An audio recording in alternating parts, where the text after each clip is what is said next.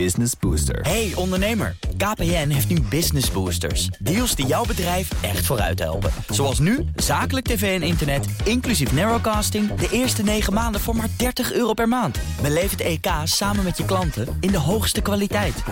Kijk op kpn.com slash businessbooster. Business Booster. Studio Den Haag. De titel is Recht doen en de eerste drie hoofdstukken gaan over nieuwe gemeenschapszin, sterke gezinnen en sociale bestaanszekerheid.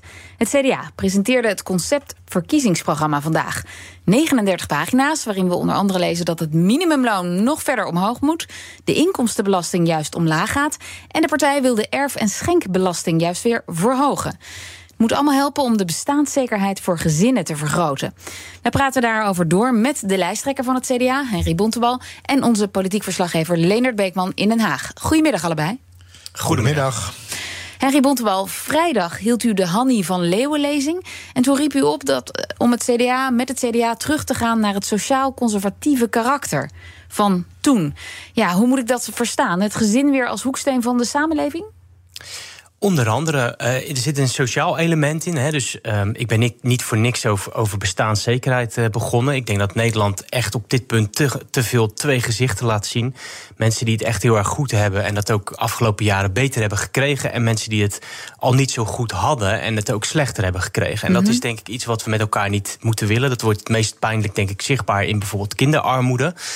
Um, ik heb ook bij die lezing gezegd: het gaat niet alleen over uh, bestaanszekerheid als genoeg inkomen. Dat vind ik een hele smalle visie. Bestaanszekerheid gaat ook over toegang tot werk, toegang tot uh, de woningmarkt. Um, en je kunt pas um, echt tot volle wasdom komen als mens als je ook onderdeel bent van een gemeenschap. Dus ik heb met name ook die, die component van, van saamhorigheid en sociale cohesie ook uh, groot gemaakt in mijn lezing. Omdat ik denk dat dat ook tot bestaanszekerheid wordt. En daar vind, vind je wat meer dat conservatieve element in. Wij hebben in Nederland een nieuwe saamhorigheid nodig, denk ik. Um, waar, waarin we gewoon weer leren om, om, om te zien naar elkaar. En het ook mogelijk maken om mensen ja, dat te laten doen. Maar, en, maar omzien naar elkaar, dat is een, zeg maar een cultuurverandering. Hoe, hoe gaat u dat doen? Kijk, dat is natuurlijk het ingewikkelde. Dat als je zoiets aan de kaak stelt, het is een soort cultuurkritiek, het is een kritiek op hoe de samenleving nu functioneert. Dat natuurlijk de eerste vraag is: ja, hoe ga je het in concreet beleid uh, uh, vormgeven? Ik denk dat dat kan, maar ik denk ook dat het belangrijk is dat we wel eerst dit met elkaar durven zeggen. En ook in in de politiek Den Haag met elkaar durven debatteren. Waarom is de samenleving meer met zichzelf bezig gegaan? Waarom is het individu belangrijker geworden dan de gemeenschap? Want als we deze analyse niet met elkaar maken, dan is het ook moeilijk om beleidsmaatregelen te verzinnen die werken. Oké, okay, maar die beleidsmaatregelen, concreet, lezen we ja. die dan wel terug in het verkiezingsprogramma? Ja, nee, ja, je ziet verschillende maatregelen terug. Um, het begint bijvoorbeeld al heel simpel. Um, op de plekken waar mensen gemeenschappen vormen, kunnen die dat dan goed doen?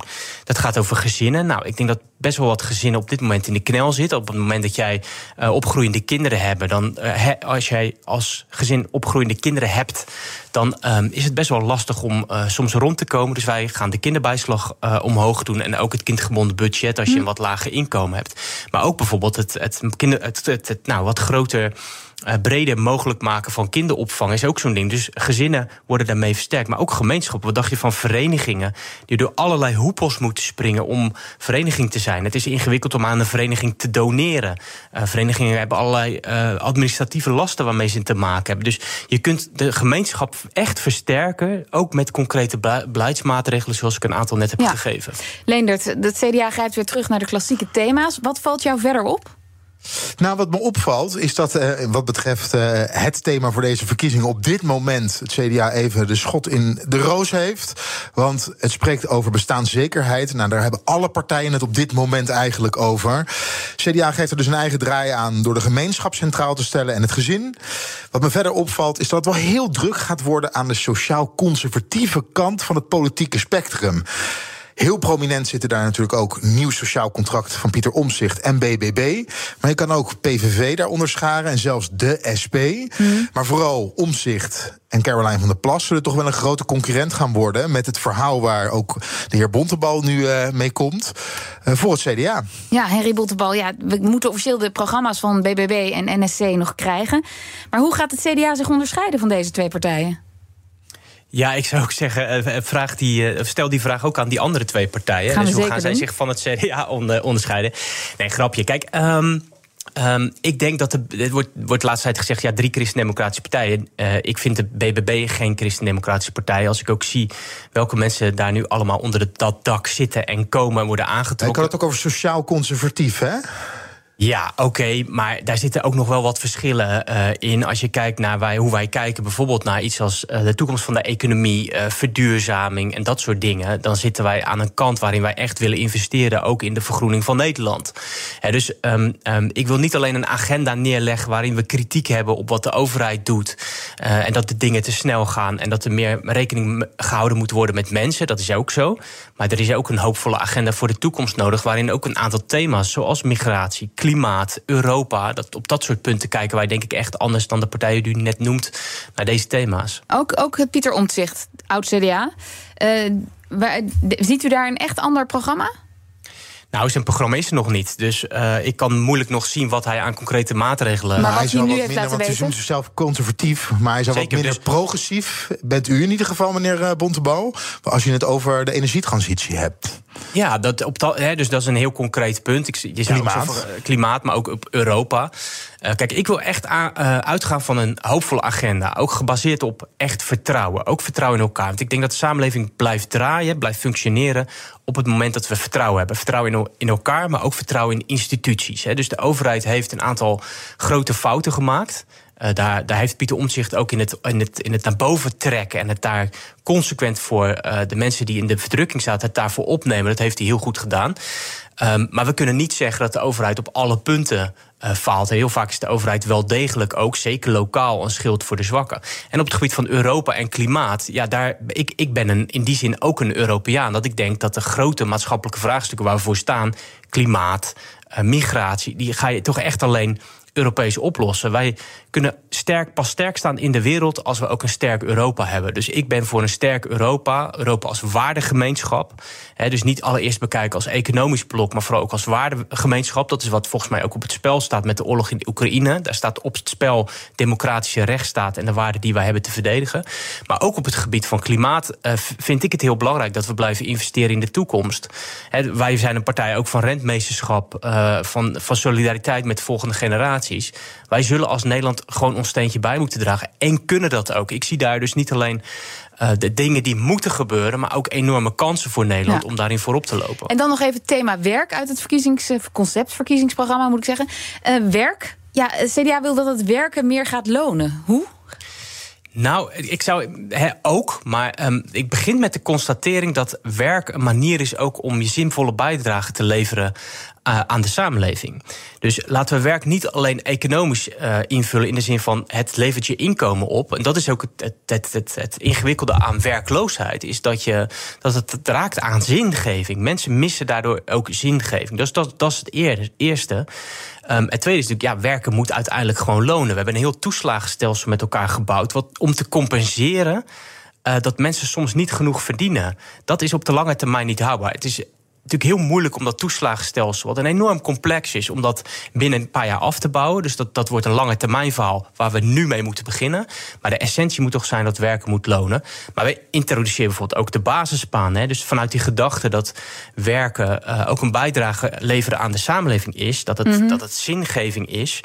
Uh, zeggen wij, ja, wij gaan gewoon niet accepteren dat mensen werkloos op de bank zitten. Dat is niet alleen uh, qua inkomen is het onverstandig, maar ook gewoon qua, qua zelfbeeld wat mensen hebben. Maar het CDA doet ook hele concrete voorstellen. Bijvoorbeeld het verhogen van het minimumloon, maar ook belasting op arbeid uh, verlagen. Door de belasting op vermogen en uh, te verhogen in de ja. vorm van erf- en schenkbelasting. Lees ik letterlijk in het programma.